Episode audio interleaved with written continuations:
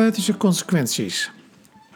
Een selectie uit de medisch-wetenschappelijke literatuur.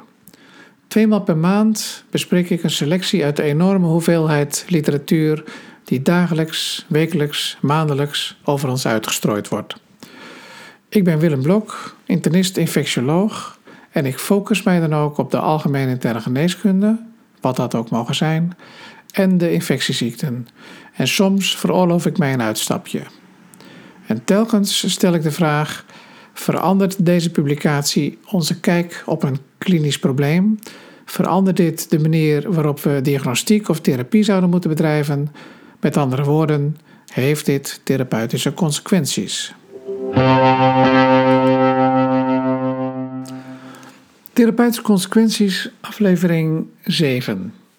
Het is vandaag 27 januari en de onderwerpen zijn NSAID's en DOACs, alcohol en atrifibrilleren, procalcitonine, vraagteken, en de arts-patiënt communicatie. NSAID-gebruik en DOACs. Als klinici zijn we terecht beducht voor de combinatie van een NSAID en antistolling. Immers, remming van COX-1 geeft extra plaatjes aggregatieremming en beschadigt bovendien het epitheel van de tractus digestivus, zodat de kans op gastro-intestinaal bloedverlies fors hoger wordt. Maar hoe groot is dat risico nu werkelijk? En maakt het dan nog uit of de patiënt op een DOAC of op een vitamine K-antagonist zoals acetylcomerol staat? In dit stuk in Circulation heeft men een post-hoc analyse gedaan van de grote, door de fabrikant gesponsorde Aristotle Trial. Deze trial verscheen oorspronkelijk al in 2011 in de New England Journal of Medicine en vergeleek apixaban met warfarine bij mensen met atrifibrilleren. De uitkomst was dat apixaban een kleine, maar significant lagere kans gaf op CVA dan warfarine, met significant minder bloedingscomplicaties. Bovendien was de all-cause mortaliteit lager in de apixaban groep. In de huidige post-hoc-analyse heeft men gekeken naar het NSAID-gebruik in deze trial. Er werden 17.423 patiënten geanalyseerd met een mediane leeftijd van 70 jaar. 4,8% van deze patiënten gebruikte een NSAID bij aanvang van de studie en 13,2% startte met het gebruik van een NSAID gedurende de studie. De mediane follow-up duur was 1,8 jaar.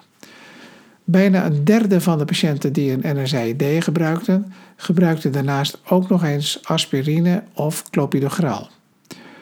De primaire uitkomstmaat was major bleeding, gedefinieerd als een acute of subacute klinisch evidente bloeding en tenminste meer dan 1,2 millimol Hb-daling of transfusie van 2 eenheden packet cells of meer, of een bloeding met een belangrijke klinische consequentie of een bloeding die tot overlijden aanleiding gaf.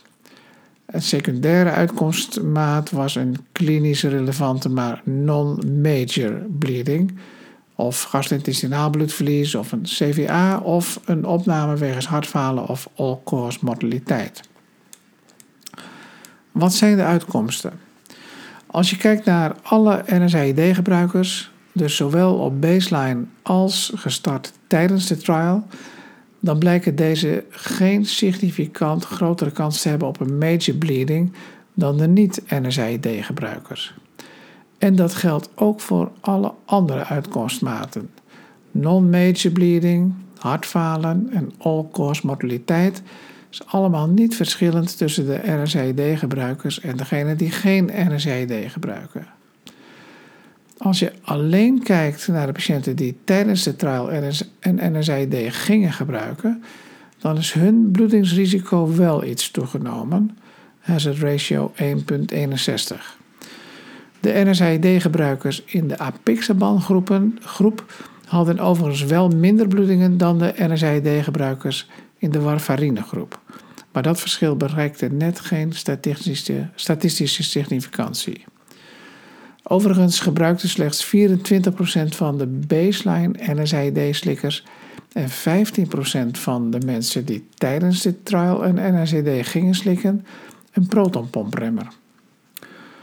Het NSAID-gebruik in deze trial lijkt fors, maar kon in de dagelijkse klinische praktijk nog wel eens hoger zijn. NSAID's zijn volop over de counter verkrijgbaar, ook in ons land. En de relatief hoge leeftijd van deze patiënten zal gepaard gaan met relatief veel artrose-gerelateerde pijnklachten. Al met al lijkt het bloedingsrisico van het gecombineerde gebruik van een DOAC, in dit geval dan apixaban, met een NSAID dus eigenlijk wel mee te vallen. In de spreekkamer kunnen we deze observatie met de patiënt delen, waarbij het wellicht zo is dat het consequent combineren van een NSAID met een protonpompremmer het risico nog iets verder reduceert. In een tijd waarin we na paracetamol wellicht toch wat te snel overgaan op opiaten, lijkt mij dit wel goed nieuws.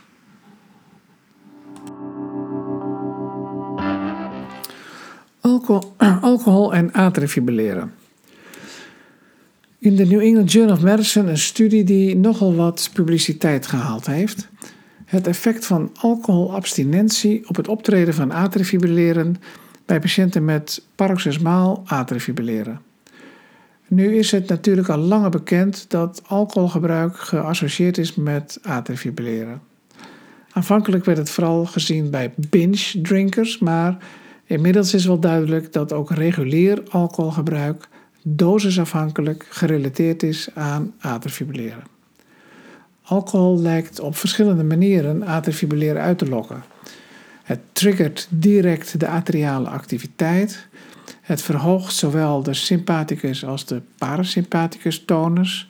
Het verkort de refractaire periode van de atria en het remt de expressie van de natriumkanalen. Uiteindelijk leidt chronisch alcoholgebruik tot atriumdilatatie, fibrose en vertraging van de geleiding over de atria. Atrifibrilleren is de meest voorkomende hartritmestoornis en het geeft nogal wat klachten en complicaties. Toegenomen kans op CVA en toegenomen kans op sterfte. Er wordt verondersteld dat de prevalentie van atrifibrilleren de komende jaren alleen maar verder zal toenemen. Onder invloed van de vergrijzing natuurlijk, maar ook onder invloed van minder lichaamsbeweging, meer obesitas. Een en ander gaat dan weer gepaard met meer hypertensie, diabetes mellitus type 2 en OSAS. Allemaal op zichzelf ook weer risicofactoren voor het ontstaan van atrifibrilleren. Bij de behandeling van atrifibrilleren richten we ons vooral op de preventie van ischemisch CVA door middel van antistolling. En daarnaast natuurlijk vooral op vooral rate control. In deze Australische studie heeft men gekeken naar het effect van alcoholabstinentie op het voorkomen van atrifibrilleren. Het betrof hier patiënten die bekend waren met paroxysmaal bovenfibrilleren en daarvoor ook behandeld werden en bij screening in sinusritme waren. 697 patiënten voldeden aan deze inclusiecriteria. Uiteindelijk zijn slechts 140 patiënten gerandomiseerd tussen alcoholabstinentie of onveranderd alcoholgebruik. Dat slechts 140 van de 647 patiënten wilden deelnemen, had te maken met het feit dat de meeste mensen er helemaal niet voor voelden om het risico te lopen in de alcoholabstinentiegroep terecht te komen. Tja. De 140 deelnemers waren gemiddeld 62 jaar oud 85% mannen. De interventie- en controlegroepen waren goed gematcht. De deelnemers waren gewend zo'n 16 eenheden alcohol per week te nuttigen. Dat is dus iets meer dan twee eenheden per dag. De interventie duurde zes maanden en er was één maand een run-in periode waarin nog eens gekeken werd of de deelnemers wel voldeden aan alle inclusiecriteria en waarin ze zich eventueel nog konden bedenken. De interventiegroep werd relatief uh, intensief begeleid om ervoor te zorgen dat ze daadwerkelijk droog zouden staan. Alle deelnemers maakten tweemaal per dag gedurende 30 seconden een eenkanaals ECG van zichzelf via de Alive Core mobiele telefoon-app. Dat apparaat bestaat uit een plaatje ter grootte van een smartphone, met twee elektroden waar je je wijsvingers op legt. Er wordt dan een keurige ritmestrook gegenereerd en die wordt dan elektronisch verzonden naar het onderzoekscentrum. Het lukte de, interventiegroep om het alcoholgebruik terug te brengen van ruim 16 tot 2 eenheden per week. Het optreden van episoden van boezemfibrilleren en de totale duur van in boezemfibrilleren zijn namen significant af in de interventiegroep en het bleef onveranderd in de controlegroep. De controlegroep was 1,2% van de tijd aan het boezemfibrilleren en de interventiegroep slechts 0,5% van de tijd. Dat was een sterk significant verschil. Wat mij betreft een mooi opgezet en ook overtuigend onderzoek. Met misschien als meest opvallende bevinding dat slechts 140 van de 697 patiënten bereid waren om mee te doen. En daar zit natuurlijk ook gelijk het probleem. Het advies om helemaal te stoppen met alcohol gaat de meeste mensen veel te ver. Alcohol is enorm ingebed in onze cultuur en voor veel mensen is het een enorme aderlating om daarmee te stoppen. Het illustreert ook dat veel mensen, en dit was een tamelijk jonge groep, relatief weinig last hebben van het boezemfibrilleren en dus liever doorgaan met medicatie slikken dan volledig met alcohol te stoppen. Grappig is wel dat deze abstinentiestudie de eerdere associatie tussen alcohol en boezemfibrilleren nu wel echt promoveert tot een serieuze causaliteit. We kunnen in ieder geval onze patiënten met boezemfibrilleren met een gerust hart adviseren het alcoholgebruik daadwerkelijk te verminderen of helemaal te stoppen.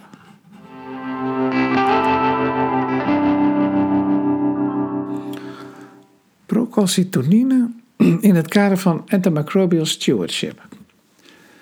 Het zou natuurlijk geweldig zijn als we een biomarker hebben, of zouden hebben, die betrouwbaar onderscheid kon maken tussen een bacteriële infectie en een virale infectie, of bijvoorbeeld een steriele ontsteking. Met name bij luchtweginfecties is dat onderscheid in de praktijk niet altijd makkelijk te maken.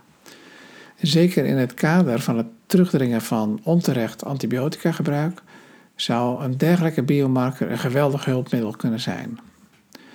Procalcitonine hangt al jaren boven de markt als een potentiële biomarker om dit onderscheid te kunnen maken. En toch wil, pro, toch wil procalcitonine maar niet ingeburgerd raken in onze ziekenhuizen. In de Journal of Antimicrobial Chemotherapy een onderzoek uit Ierland. In een relatief klein universitair ziekenhuis werden patiënten die zich presenteerden met een pneumonie gerandomiseerd tussen wel of niet dagelijks bepalen van het procalcitonine.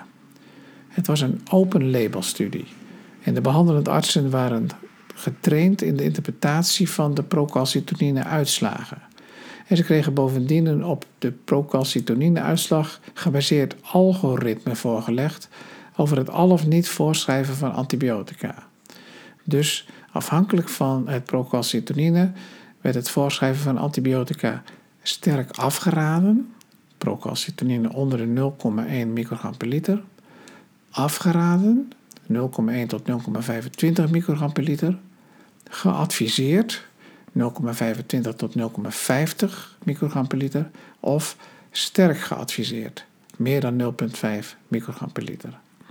Te allen tijden mochten de artsen afwijken van deze adviezen op basis van de kliniek. Er werden 119 patiënten gerandomiseerd, 79 in de procalcitonine groep en 40 in de controlegroep. De gemiddelde leeftijd was 68 jaar en de groepen waren redelijk goed gematcht qua comorbiditeit. Het bepalen van procalcitonine leidde tot een iets kortere duur van antibiotica gebruik. Gemiddeld 6,8 dagen versus 8,9 dagen. Een significant verschil en een kortere ziekenhuisopnameduur, 7 versus 8 dagen. In de procalcitonine groep overleden overigens 4 patiënten en in de controlegroep 1. Maar dat verschil was statistisch niet significant. Je zou dus kunnen denken, toch wel een effect van die procalcitonine bepaling. Maar een recente, veel grotere trial met min of meer dezelfde opzet maar multicenter uitgevoerd in de Verenigde Staten liet weer helemaal geen verschil zien. En eerdere studies evenmin. Bovendien, wij vinden vandaag de dag dat je een community-acquired pneumonie in principe met vijf dagen antibiotica veilig kunt behandelen. Dat is in meerdere studies aangetoond. Dus 6,8 dagen is nog steeds relatief lang. Bovendien zijn de uitkomstmaat in deze studie, duur van antibiotica gebruik, opnameduur, nogal zacht en onderhevig aan het zogenaamde Hawthorne-effect. Dat wil zeggen, de onderzochten, in dit geval dus de voorschrijvende artsen, zijn zich bewust van het feit dat ze geobserveerd worden en gaan zich daarnaar gedragen. Dat kan zeker bij deze uitkomstmaten een belangrijke vertekening geven. En toch gaan we maar door met procalcitonine-studies. Ik begrijp eigenlijk niet waarom. Het wordt gewoon tijd om eens te erkennen dat de positief en de negatief voorspellende waarde van deze bepaling gewoon tekortschiet. Wat gaat de toekomst brengen? Messenger RNA in circulerende leukocyten als biomarker voor de aanwezigheid van een bacteriële infectie? Ook aan dat front is het alweer een tijdje stil, terwijl het toch wel erg fancy klinkt. Therapeutische consequenties? Vooralsnog geen. We blijven aangewezen op ons klinische oordeel.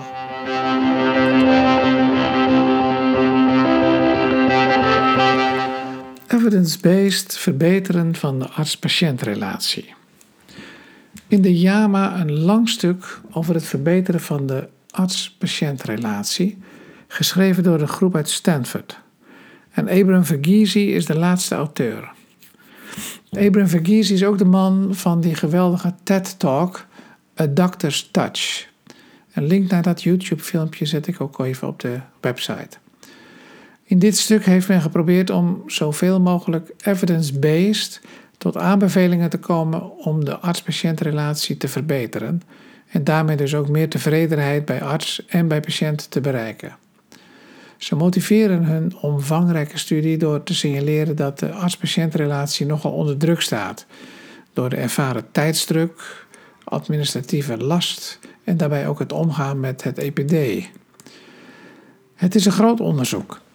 Ze hebben eerst een groot literatuuronderzoek gedaan, waarbij ze 73 studies vonden, waarin op een evidence-based manier gekeken is naar interventies die de tevredenheid van de arts en of de patiënt konden verhogen, en interventies die op volksgezondheidsniveau gunstig uitpakken en die ook een gunstige invloed hebben op de werkbelasting en op de kosten.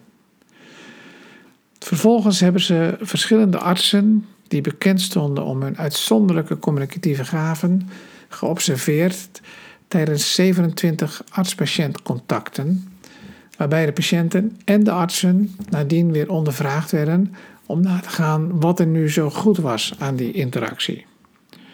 Daarnaast hebben ze professionals uit heel andere vakgebieden, maar ook met intensieve intermenselijke interacties, ondervraagd over wat zij nu als succesvolle strategieën hanteren die leiden tot wederzijdse tevredenheid over de interacties. Uiteindelijk komen ze dan tot een aantal potentiële adviezen over werkwijze, die ze dan weer onderworpen hebben aan een zogenaamde Delphi-procedure.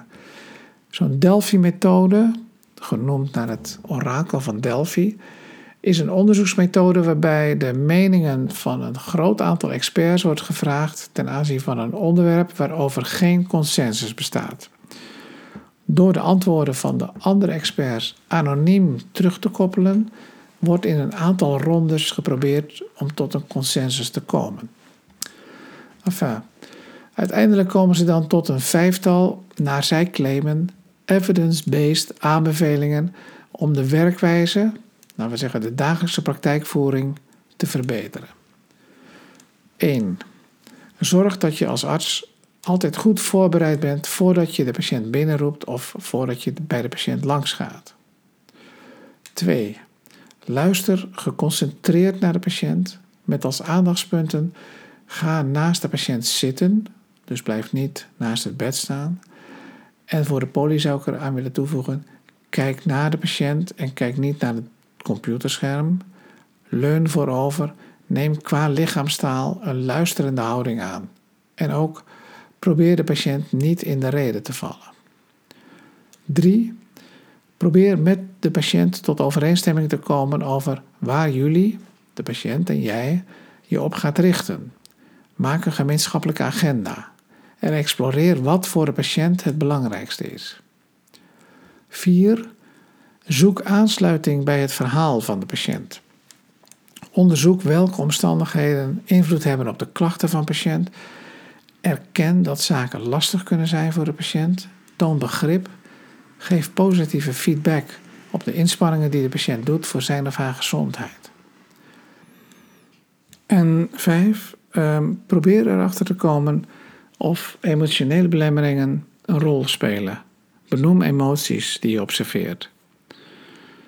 Al met al, mijn zinziens, zinnige aanbevelingen. En ik denk dat velen van ons die ook wel zullen onderschrijven. Tegelijkertijd zie ik ook wel dat in de hectiek van de dag het lang niet altijd lukt om deze zinnige werkwijze ook in de praktijk te brengen. Inderdaad kost administratie veel tijd.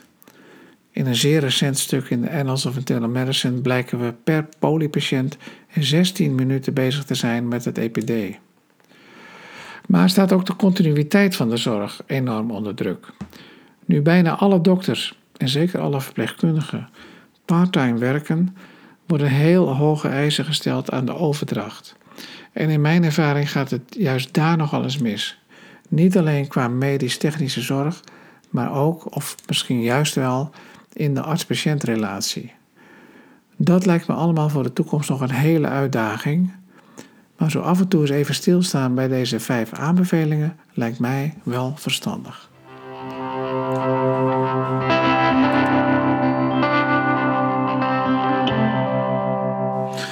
Dit was een eh, kleine greep uit de literatuur. Voor referenties ga naar www.therapeutischeconsequenties.nl